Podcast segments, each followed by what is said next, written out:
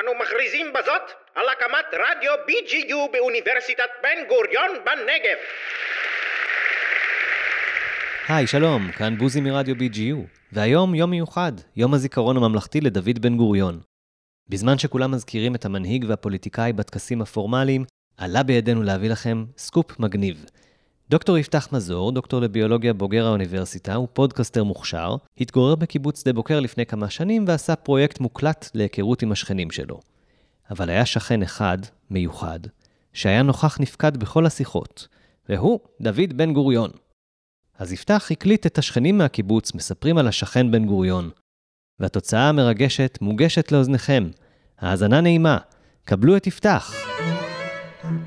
רבות סופר ורבות נכתב על דוד בן גוריון, הפוליטיקאי, המנהיג, הדמות המכוננת של מדינת היהודים. ועל כל אלו תוכלו לקרוא בדפי האינטרנט ובספרי ההיסטוריה.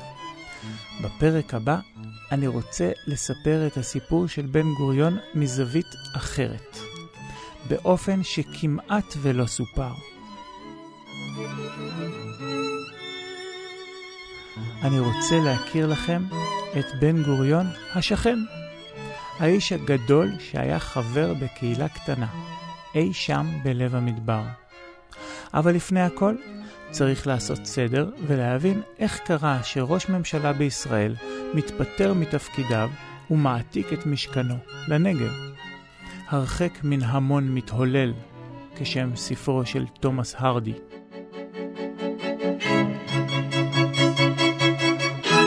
הכל התחיל במאי 1953, במהלך סיור של דוד בן גוריון בנגב.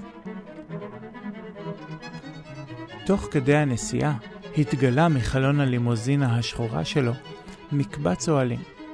הוא היה סקרן מאוד וביקש לעצור את הרכב, וכשירד ממנו התגלתה לעיניו חבורה של כ-18 צעירות וצעירים שהגיעו לא מכבר להתיישב במקום. הוא שאל אותם, מה אתם עושים פה? הם סיפרו לו שהם לחמו פה במלחמת העצמאות והחליטו לחזור ולהקים יישוב. ליישוב קראו שדה בוקר. בן גוריון התלהב. הוא חזר מהסיור, וכעבור מספר ימים חברי שדה בוקר קיבלו ממנו מכתב נלהב המשבח את מהלכם ופועלם. זמן לא רב אחר כך, חברי הקיבוץ קיבלו הודעה נוספת. בן גוריון עומד לבקר אותם שוב. שמוליק מלמד, חבר שדה בוקר משנת 1963. הוא נסע פה בעבר, ופגשו, פגש את החבר'ה. זה היה בדיוק אחרי ההתנגשות בברברה. Mm. והחליטו שצריך פה לעשות איזה הגנה נגד הבדואים. אז הם אמרו, נעשה איזה סיירת גמלים. כשהוא עבר, עכשיו, מה אתם צריכים? אנחנו רוצים להקים סיירת גמלים, אין כסף. הסיפור הוא שהוא הוציא צ'ק של רשם 300 לירות וחתם, ואז רפי בכרך היה גזבר, הלך לבנק לפדות את הצ'ק. מגיש את הצ'ק לפקיד בבנק, הוא אומר, זה מזויף. למה? הוא אומר, אנחנו אצלנו, הדוגמת חתימה, היא לא אותו חתימה כמו שעכשיו. מגילת העצמאות. לא רצו לפדות לו את הצ'ק. באותו ביקור הוא גם חשף בפני החבורה את משאלת ליבו. לבוא ולגור ביישוב, יחד איתם. הדבר אתגר מחשבתית את חלק מהצעירים, ולאחר שעזב, התקיים דיון ער בנושא. לא כולם אהבו את הרעיון. אחת הסיבות הייתה הגישה הפוליטית שעל בסיסה הוקם שדה בוקר. בסופו של דבר נערכה הצבעה, והוא התקבל ברוב מוחלט של קולות. וכך, ב-7 בדצמבר 1953 פרש בן גוריון מראשות הממשלה, וכשבוע אחרי זה יצא עם אשתו פולה, מלווה בשוטרים צבאיים ואנשי ביטחון, להתיישב בשדה בוקר. הוא התמקם בצריף שנבנה במיוחד עבורם על ידי סולל בונה. זמן קצר לאחר שהגיעו לשדה בוקר, החליף את חליפתו הכהה לבגדי חקי חמים, זה היה חורף. והודיע, אני רוצה שוויון זכויות. מה שאתם עושים, גם אני. בן גוריון התייחס ברצינות גמורה למעמדו החדש כחבר מן השורה, וביקש משאר החברים לקרוא לו דוד. אביבה פופר, ארכיונית הקיבוץ, ספרנית וחברת שדה בוקר. חיפשו איך להעסיק אותו ומה לעשות איתו, כי הוא נחשב אז בן אדם מאוד מבוגר, הוא היה בן 60 ומשהו, שזה היום לא נחשב כל כך, אבל אז זה היה... גם הוא לא היה רגיל לעבודה גופנית, זה גם... הוא כבר מגיל 30 היה נחשב לבן אדם מאוד מבוגר. כן. ואז יש לו פה תמונות שהוא עבד בשדה וסידר פקעות לשתילה ומריצה וכולי וכולי, ובכל העבודות האלה היו לו קשות, והוא חטף לומבגו וזה לא התאים לו. לומבגו זה משהו בגב, בקבב. כן. ואז בנו את הדיר, ואז הצאן חזר מהנדידה שהוא היה בכל מיני מקומות שהיה מרעה, והכניסו את בן גוריון לטפל בטלאים. וזה משהו מאוד פוטוגני, והוא אכן מצולם. כן. בתקופה הזאת הוא עבד מספר שעות בדיר עם הטלאים, ואת הזמן שנותר הקדיש לכתיבה. אבל בשלב מסוים, העבודה בדיר הייתה קשה לו, והוא שובץ לעבוד במקום בהחלט לא שגרתי. אלישע צורגיל, קיבוץ שדה בוקר. חייתי לא רחוק מבן גוריון כתשע שנים. הרגשת שכן שלו, שהוא שכן, או שהוא היה איזה עדיין דמות ארטילאית גדולה, מיתולוגית, שקשה להפנים בכלל שהיא גרה לידך? זה היה משהו מעורב משניהם. רק חייב, רק חייב לציין שזו פעם ראשונה שאני מראיין תוך כדי נסיעה באופניים עם יד אחת. ומיד נגיע לתחנה המטאורולוגית שבן גוריון שימש בה צופה, וזו הייתה תעסוקה שמאוד הייתה חשובה לו. מתקן הזה עם השלוש מדרגות, זה בן גוריון עלה עליו או שזה חדש? בן גוריון נהג לעלות עליו, ואפילו זכה למתנה ממישהו שלא אנקוב בשמו, ארגז ששימש לענבים, כי כידוע בן גוריון לא היה מהגבוהים. איש גדול אבל לא גבוה במיוחד, וזה מאוד הקל עליו לקרוא את הטרמומטרים שמונחים בתוך הסוכה. בן גוריון ורעייתו חיו בשדה בוקר כ-14 חודשים ברציפות. אבל אז, בשנת 1955, הוא שוב חוזר לממשלה. בתחילה בתפקיד שר הביטחון, וקצת אחר כך כראש הממשלה. תפקיד אותו הוא ימלא עד 1963. ובשנים שהוא לא היה פה, הוא היה נחשב בפעילות בתנועה. כשאנחנו הגענו לפה, הוא היה פה רק בחופשות, ואז היינו פוגשים אותו, ואז גם נוצר הקשר שלנו במשך הזמן עם פולה בעיקר, לא איתו. כן. בן גוריון היה ראש ממשלה. אז הוא לא היה פה. בדרך כלל הוא היה מגיע, לפעמים בסופי שבוע, בחגים מדי פעם, או פסח הוא הקפיד להגיע. אבל לא לא חי באופן פה. שוטף, לא, לא, ממש לא. הוא למעשה חזר לחיות פה אחרי שהוא התפטר בפעם השנייה, זה 63 נדמה לי, משהו כזה. זאת אומרת, עד משנת 53 עד 63, בעשר השנים האלה הוא ניהל חיים כפולים. היה לו בית בתל אביב, ובית פה בשדה בוקר, כן. ואפשר לומר שזה לא ברור אפילו מה הוא הרגיש יותר בבית. זה אני לא יכול להגיד מה הוא הרגיש, אני... הוא אהב מאוד להתגאות בזה שהוא בשדה בוקר, זה אני כן, בטוח. זה ברור. בשנת 1963 הוא פרש שוב מהכנסת והממשלה ועבר לגור לצמיתות בקיבוץ. כך, בן לילה, חזר בן גוריון להיות חבר קיבוץ שווה בין שווים. כמעט. זאת אומרת, הוא לא היה חבר אה, כמו כולם. הוא לא היה קשור לסידור עבודה, הוא היה איש מבוגר, הוא היה עצמאי, הוא יכול היה לנסוע מתי שהוא כן. רוצה, גם היה לו פה רכב ושני שנבטניקים ששמרו עליו. הוא היה מקבל תקציב? מעניין. לא, הוא היה נותן איזשהו סכום כסף לכלכלה שלו מהמשכורת. הבנתי. אז קודם כל תציג את עצמך. מה להציג? אה, אתה, אתה יכול להגיד, אני אבא של הגננת של הבת שלך, סתם. אה? קוראים לי... עוזי, משדה בוקר. מזה 60 שנה, זה הכל. זה היה עוזי פופר, בעלה של אביבה, הארכיונאית, מיודעתנו מזה כעשר דקות. כמו ששמעתם, עוזי לא ממש הבין מה אני רוצה מהחיים שלו. אז לפני שהואיל לשחרר מידע, הוא דאג לתחקר אותי למהות הראיון הזה. עשיתי מעין פרויקט של הכר את שכניך לפני שאתה עוזב. והשכן האחרון שאני עובד עליו זה בן גוריון. כי בן גוריון... איזה שכן זה? מה? זהו. העניין הוא שהוא שכן עם עוצמה כל כך גדולה, כששאלתי את הבת שלי "אה, מי זה אלוהים, אז היא אמרה לי בן גוריון. כן. זה שכן שהוא כמו רוח רפאים כזאת. הוא תמיד ריחף פה. ו- ואמרתי, הנה הזדמנות אה, להחיות אותו עד כמה שאפשר על ידי סיור מוחות עם מי שעוד זוכר אותו. זה לא הזיכרונות הקולקטיביים של הכנסת. כאן זה אורח חיים, זה משהו מיוחד. Mm, כן. כמו שאתם שומעים, קצת התפתלתי, אבל בסוף עוזי התרכך והסכים לפצוח בסיפור. הייתה לי הזכות, אה, בתור בן אדם שעבד בנגריה, בבניין, לבוא אליהם הביתה שלא מרצוני. כי פולה הייתה קוראת לי, הנגריה הייתה בזמנו ממש קרוב, אה, מרחק אולי 50 מטר מהצריף של בן גוריון. אז כל דבר שהיה מתקלקל אצלם בבית, היא הייתה מגיעה, הגברת פולה, וקוראת לי לבוא, תתקן לי פה, תתקן לי שם. אז הייתי בא והייתי לוקח כורסה ומתקן. תוכל להציג את עצמך?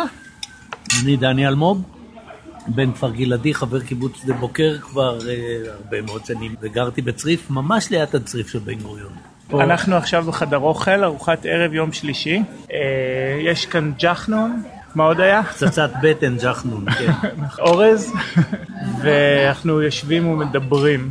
אז מה אתה זוכר מהתקופה של, של השכנות בצריף? כי אני בעצם אה, הופך אותו לשכן פיקטיבי, מבחינתי הוא שכן. אז אולי תחליף אותי בתחושות. בלילה פולה הייתה מגיעה אלינו, תהיו בשקט, בן גוריון צריך לישון.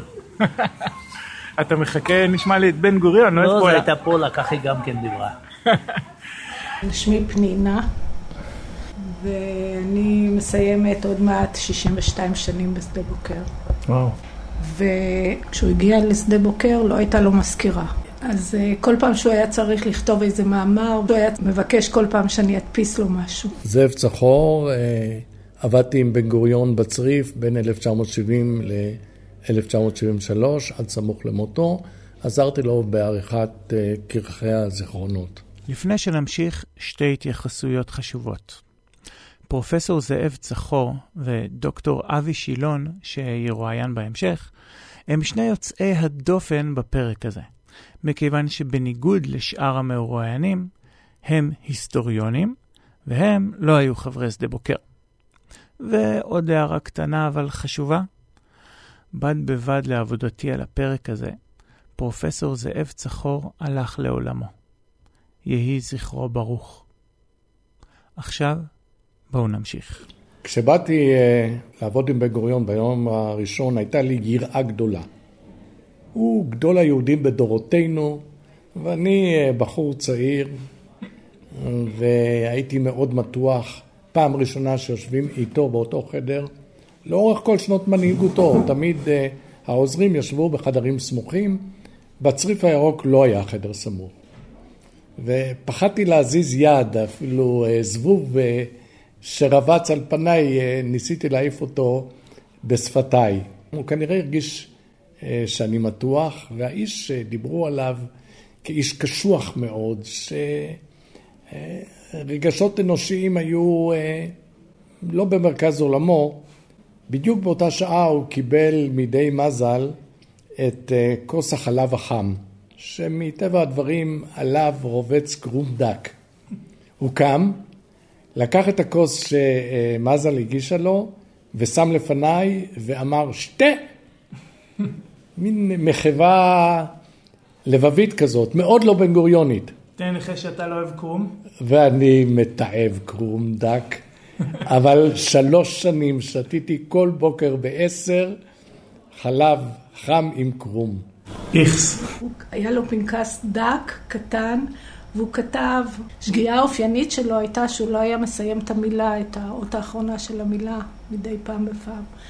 פה ושם היו לו עוד שגיאות. הוא כתב פעם שחזן אמר שארצות הברית היא מולדתנו השנייה. בתור uh, צעירה בת עשרים, אמרתי, לא יכול להיות. ברית אבל המועצות. לא נעים לי לשאול. אז חיפשתי שם, אמרתי לו שאני לא מבינה מה כתוב שם, אני לא מבינה את הכתב יד. אז הוא אומר, אוי, הוא היה הורג אותי בברית המועצות. וישר תיקן. תוכל להציג את עצמך? שמי פרנס, זה לא השם שלך. זה השם המלא. דליה, הוא אומר את האמת? לא. הוא נולד משה פרנס. מתי אתה מגיע לשדה בוקר? הגענו ב-65, עוד הקיבוץ הישן היה קיים עוד חלקו באזור של בן גוריון, אז שם התחלנו לגור, ממש אה, לידו. גידלנו שם אפונה. אז פולה הייתה באה לראות את זה כל יום. היה סתימה באמבטיה שלהם, אז אה, הייתי פותח את הסתימה. לא נפגשתי איתו הרבה פעמים, אבל לפעמים גם בחדר עבודה שלו היא הייתה מכניסה אותי, ותראה פה זה לא בסדר ושם זה לא בסדר. ומה הוא עשה באותו רגע? הוא ישב על יד השולחן, כמו שרואים אותו בצילומים. זהו, הוא היה קפוא שם בשולחן כמו צילום. ממש. כן, זה אני זוכר גם. היה לו חדר מלא ספרים, כן. והיה יושב וכותב וקורא. אני הייתי יושבת בצד ומדפיסה, אבל יכולתי לשבת שם עשר שעות, הוא לא היה מרגיש. ובקיצר, תעזבו אותי, אני כותב, ואני, היה לו שם, כמו שיש עד היום, מסודרים ערימות ספרים. כל הזמן היה בתוך זה. ופנה אליך, שאל שאלה, לא, מי לא, אתה? שלום שלום, לא. והוא היה פונה אלייך לפעמים? אה, כן, הוא הביא לי פעם קופסה עם, אה, היה אז שוקולד, לשונות חתול, לכבד אותי. הוא לא בן אדם שמדבר איתך, זה לא... הוא לא היה מעורב בחיים היומיומיים של הקיבוץ. הוא היה מתעניין. מהאנשים שהוא הכיר, מהתקופה שהוא היה פה, יותר ותיקים, שאיתם הוא היה מדבר עם יהושע כהן, עם רפי, היה מדבר, היו פונים אליו ורצו משהו. אבל הוא לא היה בא לאספות ולא מביע את דעתו ולא אה, משפיע. לרוב היה מתאם את הפגישות לצעדה, ולעיתים נדירות לי יצא פעמיים אה, גם להיפגש ליד שולחן העבודה שלו, או ביום הולדתו, שהיו מגיעים גם אה, בני משפחתו. ו... או בסדר הפסח, שהוא היה יושב ב... עם כולם בחדר האוכל, והיה לו פסוק קבוע שהיה קורא, עבדים היינו לפרעה במצרים, ויוציאנו וכולי. שמוליק. תראה, הוא, הוא לא היה מטייל ברחבי, מה שאני זוכר, הוא לא היה מטייל ברחבי המשק. הבנתי. הוא היה בצעדה, עובר, הולך לחדר אוכל, עובר. שהוא מישהו היה פוגש בחדר אוכל או מישהו בזה, אז הוא היה מתייחס. הוא הכיר את השמות של כל חברי הקיבוץ? בדיוק גזלת לי את המילים מהפה. בן גוריון הכיר בשמותיהם רק חלק קטן מחברי הקיבוץ. אה, יהושע כהן בוודאי. לא פעם שומר הראש, אהרון או מי שהיה איתו, היה אומר, הנה מגיעה אורה, הנה מגיעה פנינה. יהושע ונחמה, נחמה דאגה לה, ליום יום, שיהיה להם האוכל בסדר וענייני היום יום. ויהושע היה, היה מלווה אותו בצעדות, ואידיאולוגיות, ומשוחחים. יהושע היה... היה את אה, כהן, מ... יהושע כהן. יהושע כהן, שהוא היה... יהושע כהן היה באמת דמות מיוחדת בסיפורו של בן גוריון, עם קרבה מיוחדת. עדיין היה ביניהם מרחק, בין השאר בגלל שיהושע שמר על כבוד ועל מרחק, וגם הגיל. ובין יהושע כהן לבן גוריון עדיין היה הסיפור הזה, המיוחד במינו, של היותם משני צידי המתרס כן. בעבר. הוא היה ימני גם בימיו בקיבוץ, נכון. והוא היה איש לח"י שזכר את היותו בלח"י כל החיים. הוא כנראה השתתף בהריגת סלש רצח ברנדות, ובן גוריון בכל זאת, למרות ההערכה שלו אל יהושע, היה בצד השני. זאת אומרת, היה ביניהם את המתח הזה גם? אני אה, לא הייתי ב, אה, במרחב שביניהם, אה, אבל אני משער שאי אפשר היה למחוק אותו. הוא היה מתווכח איתו יהושע? הם היו משוחחים הרבה. כן, הם היו סיפור משוחחים. ידוע שהם ככה שוחחו פעם, ואז שהוא אמר לו, תראה מה זה, לפני כמה שנים אתה חיפשת אותי, ואם היית תופס אותי, אז או שהיית דואג שיראו בי, או שהיית שם אותי לכל החיים בבית סוהר. הוא היה מלח"י הרי. מה זה מלח"י? הוא היה... הרג את ברנדוט. ואת, אה, נציל לחלוטין. ו... ואני, אם הייתי פוגש אותך, אז הייתי, אני לא יודע אם לא הייתי שולף ויורה בך. ותראה מה שעכשיו אנחנו ככה יושבים על יד השולחן ב... ביחד, וזה, אמר לו, מאז בן גוריון אמר לו, ברגע שקמה מדינה, אנחנו מדינה אחת, ואין יותר יריבויות. והוא הגיע לאספות? בדרך כלל לא. אני נאוה בכרך, חברת קיבוץ שדה בוקר, הרבה שנים. תראה, הוא לא היה מגיע לאספות באופן קבוע, אבל לאספות מאוד משמעותיות הוא הגיע. למשל... היה פה שאלה, שדה בוקר הרי הוקמה לא קיבוץ. הייתה חווה. הקימו איזה מין אה, חווה כזאת של, של בוקרים. אבל שדה בוקר מאוד רצתה להתפתח. ב-54 שדה בוקר פנתה לתנועת הצופים שישלחו הנה גרעין. למה לתנועת הצופים? כי שדה בוקר לא הייתה מוגדרת מבחינה פוליטית. פוליטית. כן, וצופים זה לא פוליטי. צופים זה לא פוליטי, הוא לא רצה, והוא לא רצה שיתקשרו לתנועה, הוא התנגד לזה שיתקשרו לתנועה. הצופים נענו, והם אה, החליטו לשלוח הנה את גרעין י"א. והם היו בעצם אמורים להיות הגרעין הבסיסי של שדה בוקר.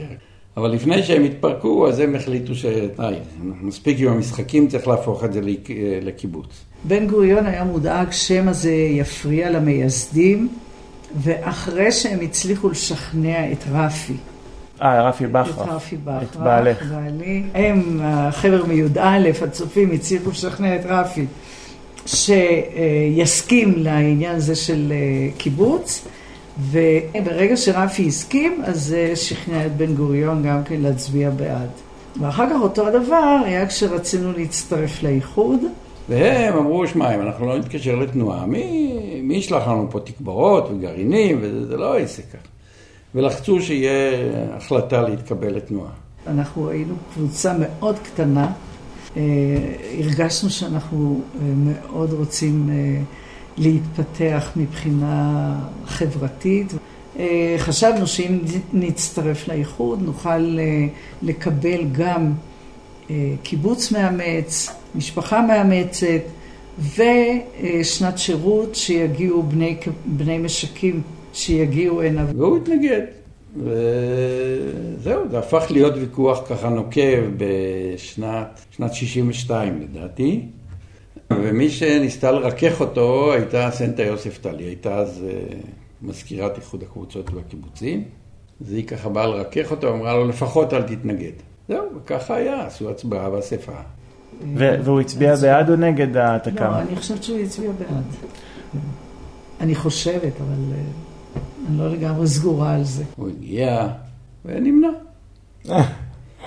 וזהו, ואז הם התקבלו לאיחוד, וברגע שהם התקבלו לאיחוד, אז היה קיבוץ מאמץ, והתחילו לשלוח הנה משפחות לשנת שירות, ובודדים, ועשר שנים קיבלנו פה כל שנה גרעין כזה לפני צבא. כן, וזה מאוד עזר לנו, מאוד.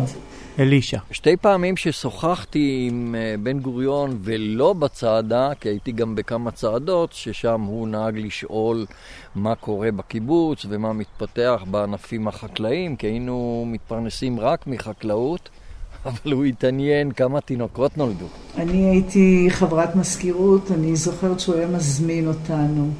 לחברי המזכירות מפעם לפעם לדווח לו איך הדברים מתקדמים. בשדה בוקר היה איזה משבר חברתי כזה, והרבה עזבו, והוא שמע, הגיע אליו השמועה שיש... אני הייתי מזכיר, אני חושב, שם משהו. מזכיר הקיבוץ. כן. אז הוא בא אל יהושע, אמר, שמע, בן גוריון רוצה לדבר איתך, לשמוע מה קורה. מה... טוב, באתי, ויש שם, כן, בספרייה שם. ו...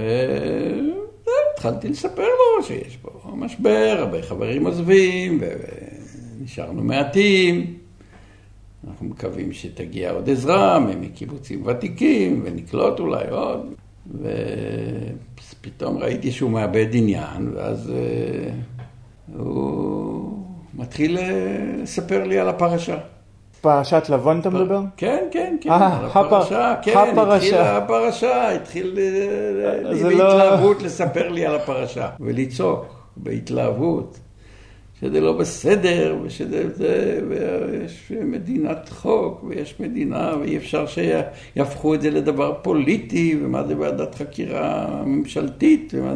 אז זה לא קשור בכלל לקיבוץ. לא קשור בכלל לקיבוץ, זה מה שעניין אותו, עניין אותו הקיבוץ, זה עניין אותו הפרשה. האמת שזה באמת היה... אני בתור מפאיניק צעיר אמרתי, שמע, בן גוריון, עם כל הכבוד, אבל אתה פה הורס את המפלגה שבנית, מה אתה... התחלת לדבר, מה זה כל כך חשוב, אם אתה בסדר, נו, אז יש לך עקרונות, תעזוב את זה, מה אתה צריך להילחם נגד כולם? לא, מה זה, זה בהתלהבות. אין דבר כזה, מדינה צריכה להיות מדינת חוק. זהו, זה היה... איזה קטע. העזת להגיד לו, אתה הורס את המפלגה? כן.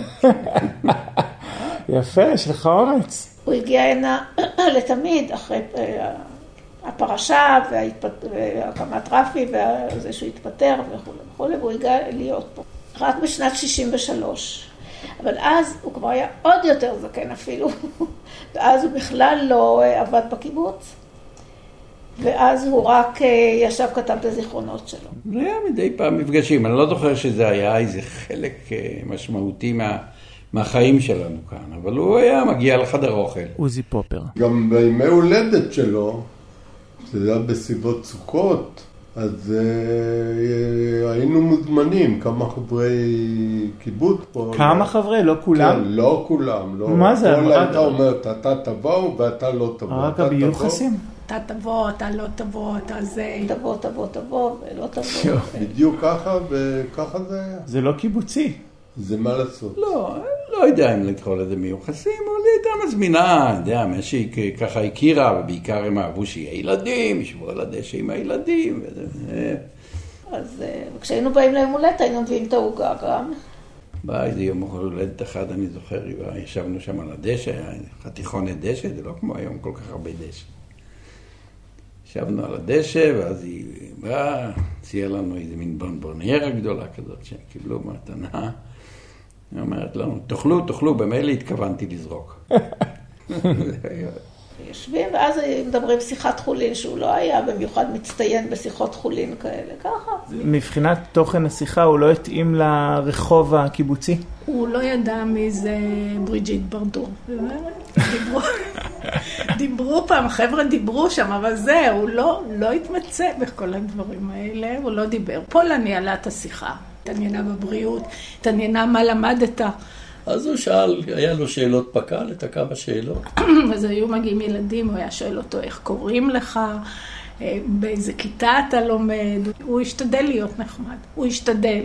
היה לו מין אה, שאלות סטנדרט. היה מסתכל על אישה, בת כמה את? הייתה אומרת לו, אני יודע מה, 25. כמה ילדים יש לך? שניים. ואז היא אומרת לו, נניח, יש לי שני ילדים. הוא אומר לה, זה לא מספיק. למה לא שלושה? שלושה, למה לא ארבעה? כשהוא היה משתחרר קצת... כשנחה עליו הרוח, הוא אמר משהו מאוד אינטימי. הוא אומר, יש לי שלושה ילדים. אני רציתי יותר, אבל פולה לא רצתה. והשותפה לשיחה הייתה כל כך נפעמת מהגילוי הסודי המרטיט הזה, היא רק לא ידעה שעשרות רבות לפניה ואחריה זכו לגילוי הזה, כי בן גוריון היה צריך להעביר רבע שעה והשיחה עברה בשלום. רגע, ושלוש שנים שדיברת איתו זה היה תמיד בדחילו ורחימו, או שהיה אפשר דיבור חופשי ונעים ונוח כחבר אל חבר? בדחילו ורחימו משני הצדדים. גם אני אה, לא הרגשתי כחבר אל חבר. קודם כל היה דיסטנס, כי היה שומרים בינינו ובינו. כן. כל הזמן. בסדר, תפגחתי עליהם. טוב, אנחנו בבריכה של שדה בוקר, יום שבת, חמים ונעים. אני יושב עם... מוקי ארנוני. מוקי, מתי הגעת לשדה בוקר?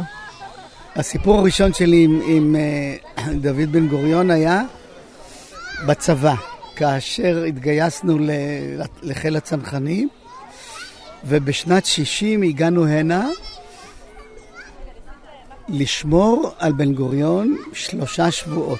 הצריף הראשון היה מקום המגורים של החיילים.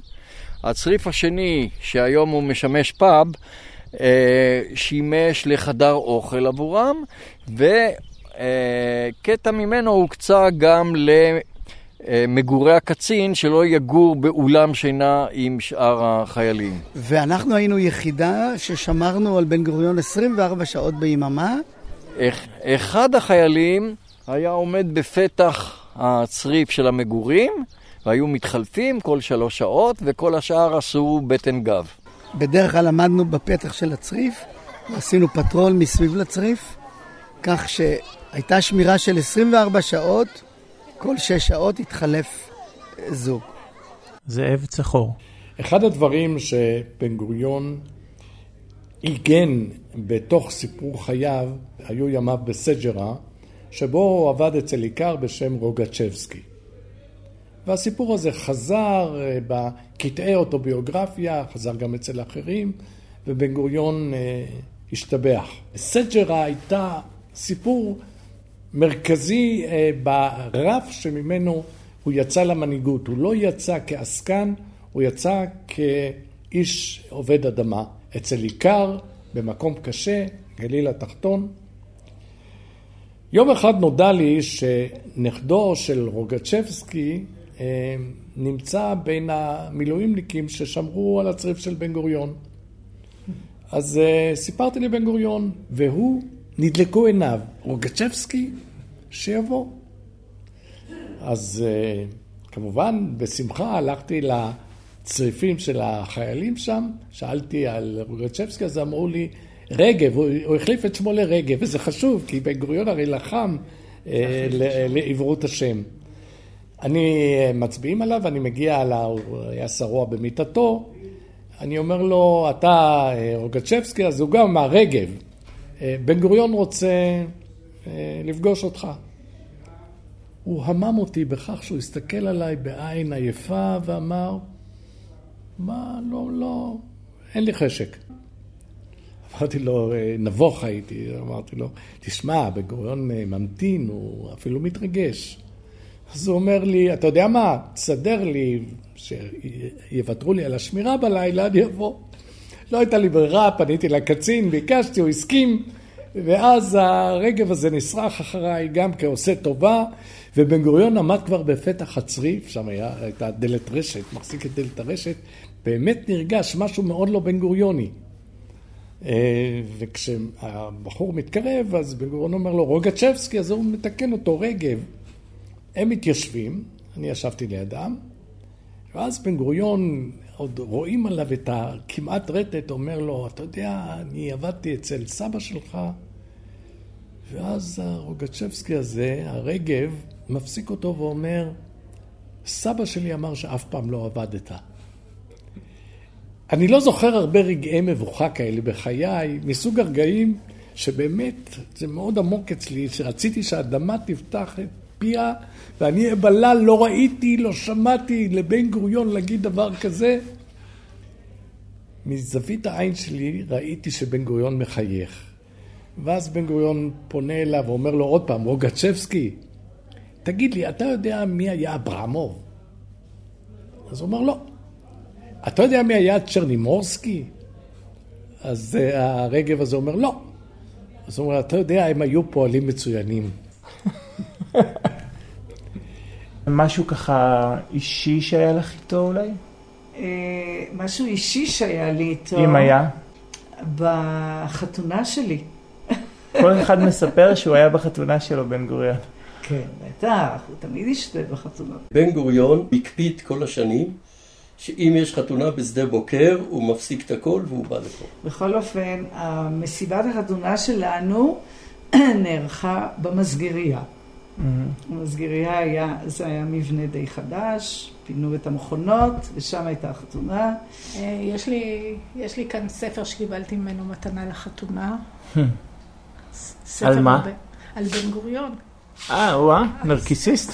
אנחנו התחתנו ב-65, ומהמייסדים נשארו שניים, אה, רפי ואהרון שו.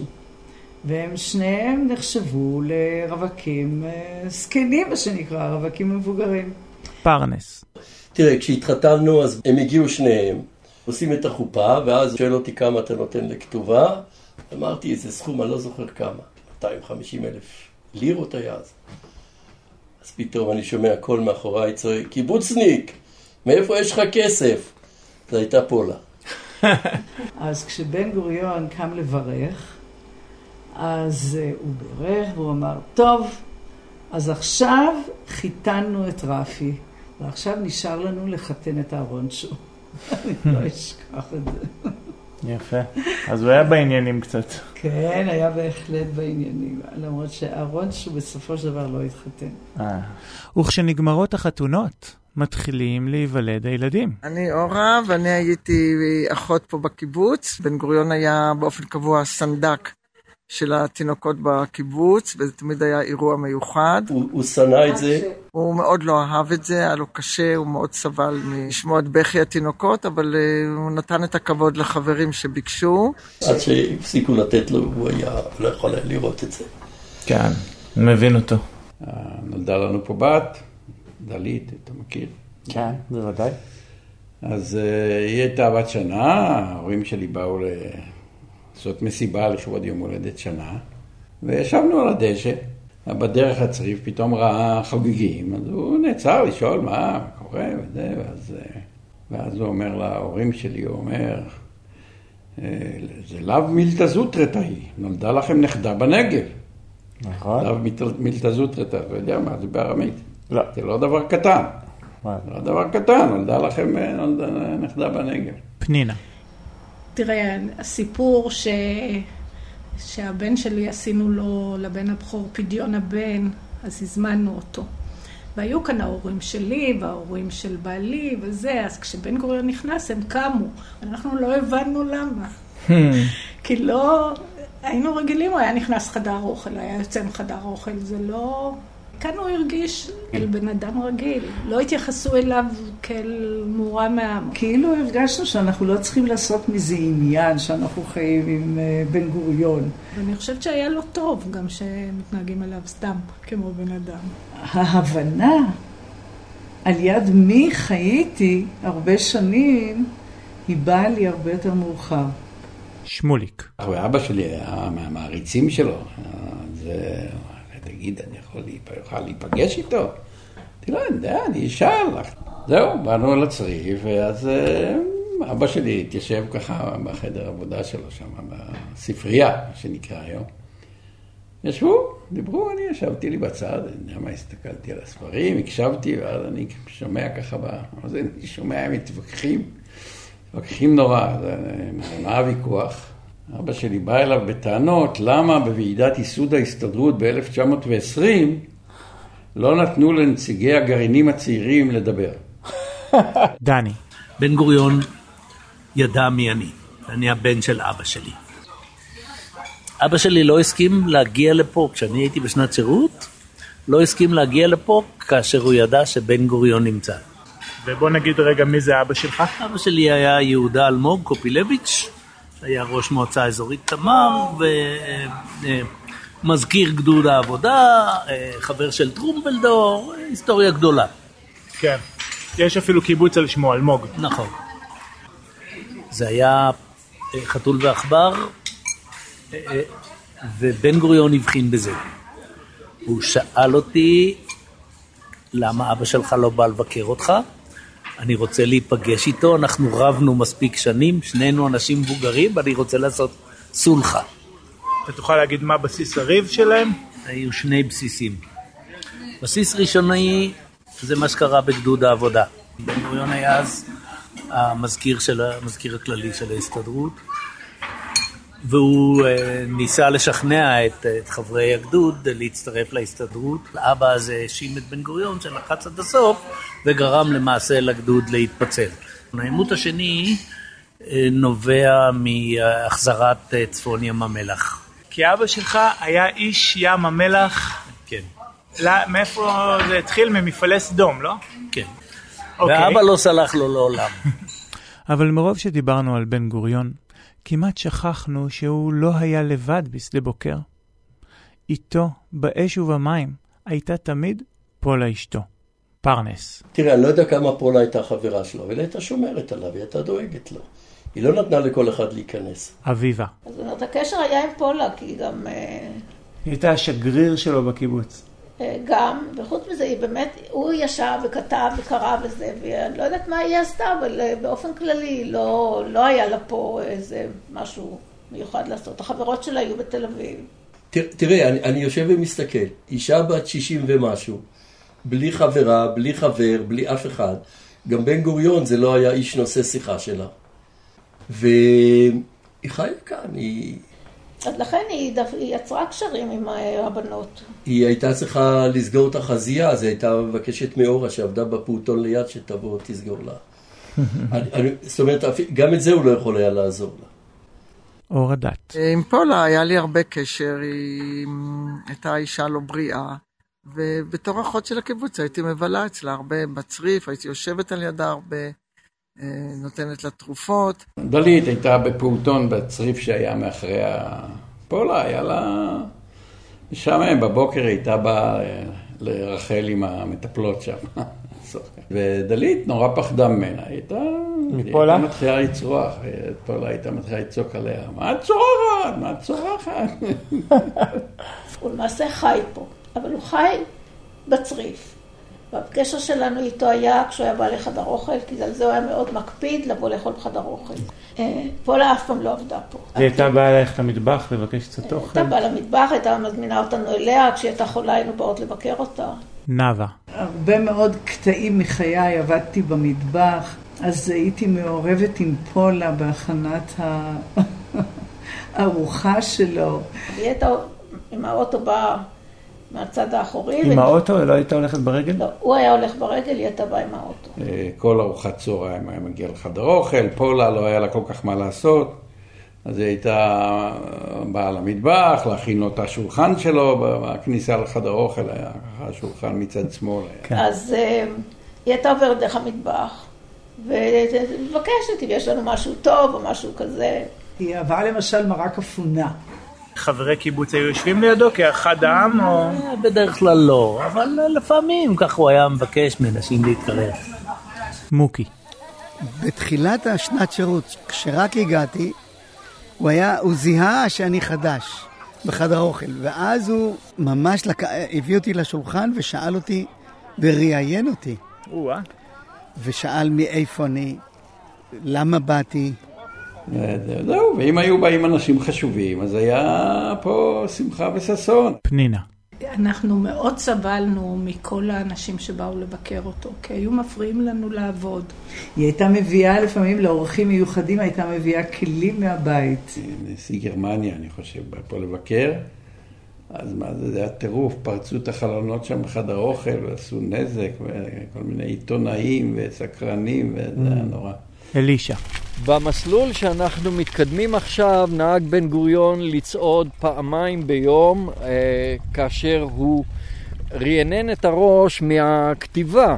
לעתים אנשים שרצו לדבר איתו היו מוזמנים להצטרף לצעדה, ואז היו משוחחים. תוכל להציג את עצמך? אבי שילון, מחבר המונוגרפיה בן גוריון אפילוג. הוא מאוד אהב את הקיבוץ, הוא אהב לטייל, להסתכל על הרמשים, הוא אמר שכשהוא רואה את החיות, כשהוא מסתכל על הנמלים בדרך, כשהוא הולך בקיבוץ, הוא חושב על אלוהים, האם בעצם יש להם רוח, האם הם שונים מאיתנו, מי יצר אותם, הוא, כל דבר נתפס אצלו כתשתית למחשבות פילוסופיות. הוא אף פעם לא צעד לבדו, לביטחונו נסע מאחור קומנדקר, ולידו צעדו לפחות שניים, שומר ראש של השב"כ ויהושע כהן נהג להצטרף גם כן. כן, וכאן זה גם מחבר את האמרה הידועה שלו שהאלוהים שהוא מאמין זה האלוהים של שפינוזה, ושפינוזה בדיוק אמר שאלוהים שווה טבע. נכון, נכון, נכון, ובגלל זה בעצם הוא אמר שיהודי שמאמין שאלוהים יחולל נס, בעצם לא מאמין באלוהים, כי האלוהים של, של בן גוריון ושל שפינוזה זה הטבע. אנחנו פונים פה.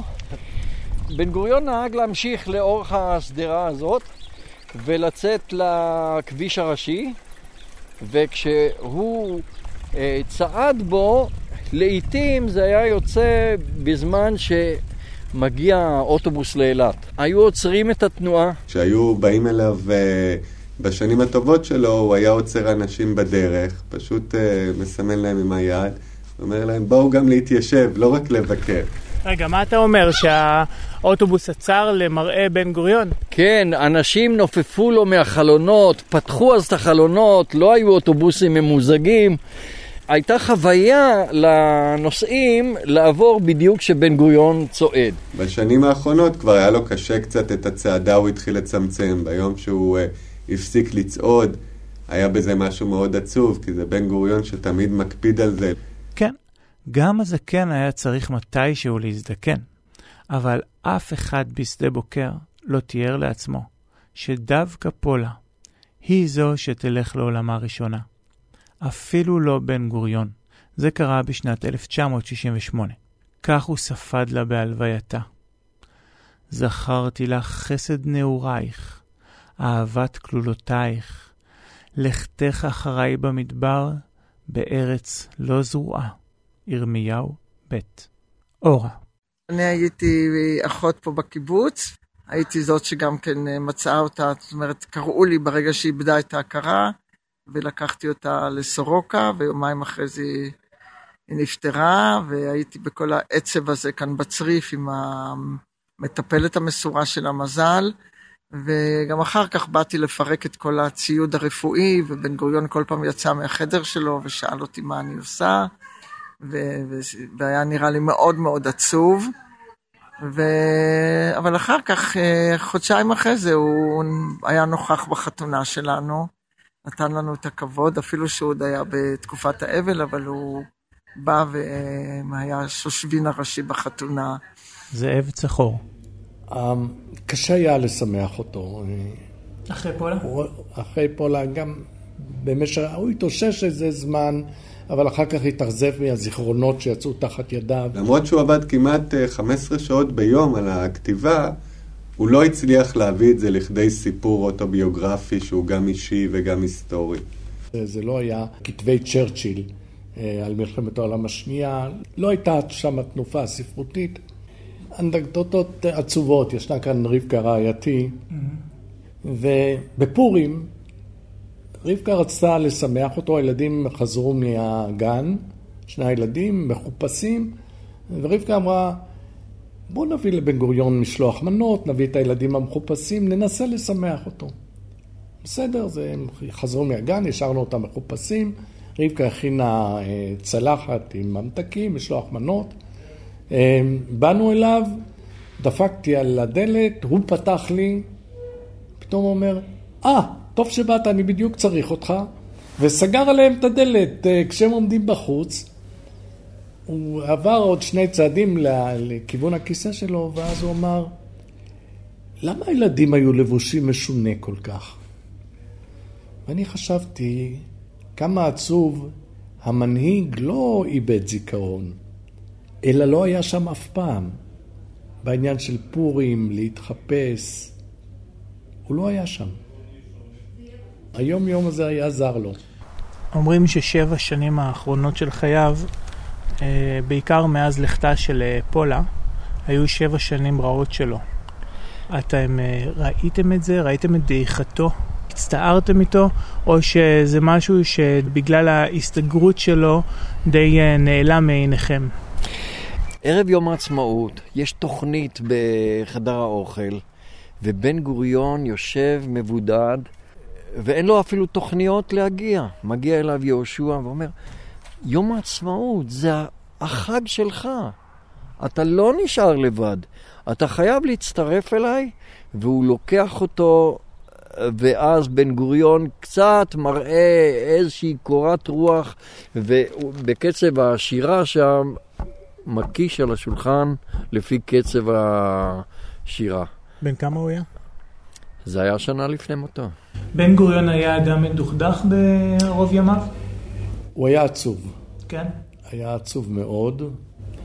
הוא לא היה מלא סיפוק מכל מה שהוא עשה. זה הזמן. ממש לא. יש uh, כמה קטעים, דווקא מופיעים בספרו של uh, אבי שילון, uh, אפילוג. הוא הסתכל לאחור, uh, ולא אמר את זה לאף אחד אף פעם, אבל יש ביטויים דומים ל... לא לילד הזה התכוונו. צריך לזכור, זה אחרי מלחמת ששת הימים שהוא לא השתבח בה. ולקראת מלחמת יום הכיפורים שהוא ידע כי תבוא. Mm-hmm. במלחמה עצמה כבר הייתי מגויס והוא סמוך אליה הידרדר והוא היה כבר אה, ממש לקראת אה, הסיום. בתקופה האחרונה שהוא שכב בבית חולים והיה חולה, אז בעלי ויהושע כהן נסעו לבקר אותו. אז הוא אמר, אני רוצה לחזור לשדה בוקר, אני רוצה להיות בשדה בוקר. והמשפחה אמרה, אי אפשר, אין כאן צוות רפואי. זה בעצם התמונה האחרונה, לפני שבן גוריון נוסע לבית חולים, שהוא עוד עומד. במלאת עשרים שנים לשדה בוקר, וכשנה אחת לפני פטירתו, כתב בן גוריון לחברי הקיבוץ, חבריו, את הדברים הבאים: היו רק שני מקומות בארץ ישראל שעבדתי בהם מתוך נחת רוח גדולה, סג'רה ושדה בוקר. שדה בוקר בעיניי הוא דבר חשוב ויקר מאוד. שדה בוקר הייתה ההתחלה שגרמה להקמת המדרשה, ותעזור גם באוניברסיטה שנקים, וזה יהיה דבר גדול לארץ ולסביבה הזאת. ולכן אני שמח שיכולתי וזכיתי לבוא הנה ולהיות כאן כל ימי חיי, שאינני יודע כמה הם, אבל זה לא חשוב. שלום רב לכם. דוד בן גוריון בן גוריון נפטר ב-1 בדצמבר 1973, והוא בן 87. הוא הותיר אחריו לא רק ילדים, נכדים ונינים, אלא מורשת שלמה, אותה אנו מכנים בשם מורשת בן גוריון. ואם אפילו לרגע אחד הצלחתם להתקרב אל בן גוריון האיש ולהרגיש שכנים, שלו ולא רק של מורשתו, יצא שכרי בעמלי.